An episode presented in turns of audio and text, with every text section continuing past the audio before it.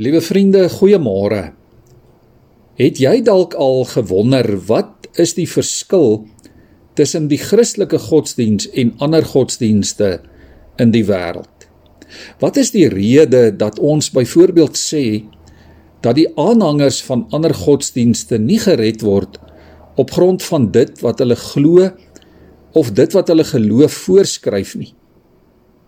Is dit nodig om mense van ander gelowe te probeer oortuig om Christene te word?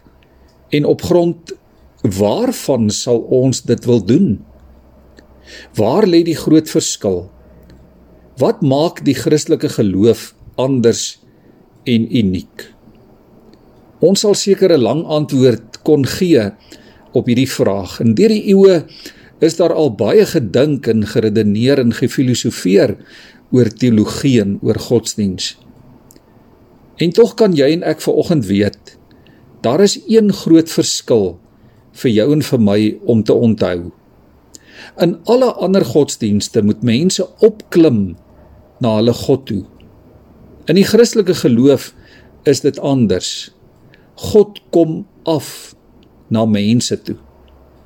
Alle ander godsdienste leer dat 'n mens deur wette en reëls na te kom dat jy so by God kan uitkom. Op 'n een of ander manier of deur goeie werke of deur 'n voorbeeldige lewe beweeg die mens nader aan God. Sommige godsdienste sê selfs dat 'n mens op hierdie manier jou eie God kan word. Maar liewe vriende, ons wat glo in God, ja die God wat homself in Christus kom bekend maak. Ons weet dat dit nie so werk nie. Ons het in Christus die genade van God ontdek. En ons weet ons kan nooit deur ons eie toedoen of deur ons eie werke, deur ons eie slimmighede goed genoeg wees om deur God aanvaar te word nie. Ons hoef onsself op geen manier te bewys om by God uit te kom nie. Die God in wie jy en ek glo, het na ons toe gekom.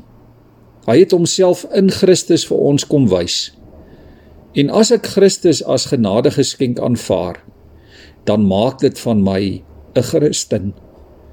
Die Christelike geloof is anders, dis uniek omdat ons God so anders en so uniek is.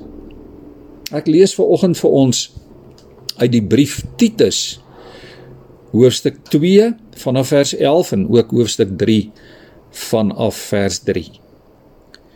Die genade van God wat verlossing bring, het immers aan alle mense verskyn.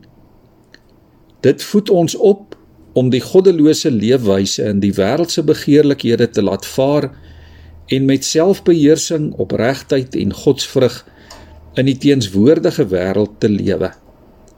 Terwyl ons uitsien na die gelukkige dag wat ons verwag. Op daardie dag sal die heerlikheid van ons groote God en verlosser Jesus Christus verskyn. Hy het homself vir ons as offer gegee om ons van alle ongeregtigheid vry te maak en ons van sonde te reinig sodat ons sy eie volk kan wees wat ywerig is om die goeie te doen. En dan ook vers 3 van hoofstuk Vroer was ons ook onverstandig, ongehoorsaam op die verkeerde pad, verslaaf aan allerlei begeertes en sinsgenot. Ons het ons lewe in kwaadwilligheid en jaloesie deurgebring. Ons was haatlik en het mekaar gehaat. Maar toe het die goedheid van God, ons verlosser, en sy liefde vir die mens verskyn.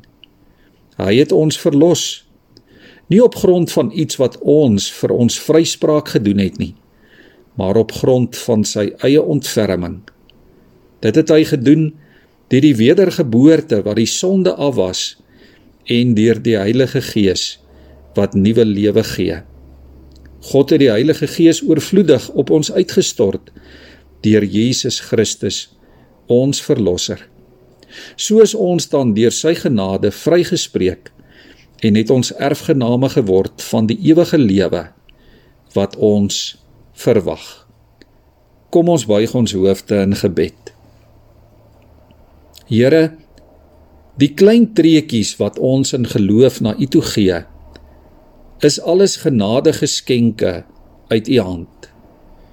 Ja Here, ons kan onsself nie red nie. Ons kan onsself nie regverdig nie. Want Here, dan was ons almal verlore. Dit is U wat ons red uit genade.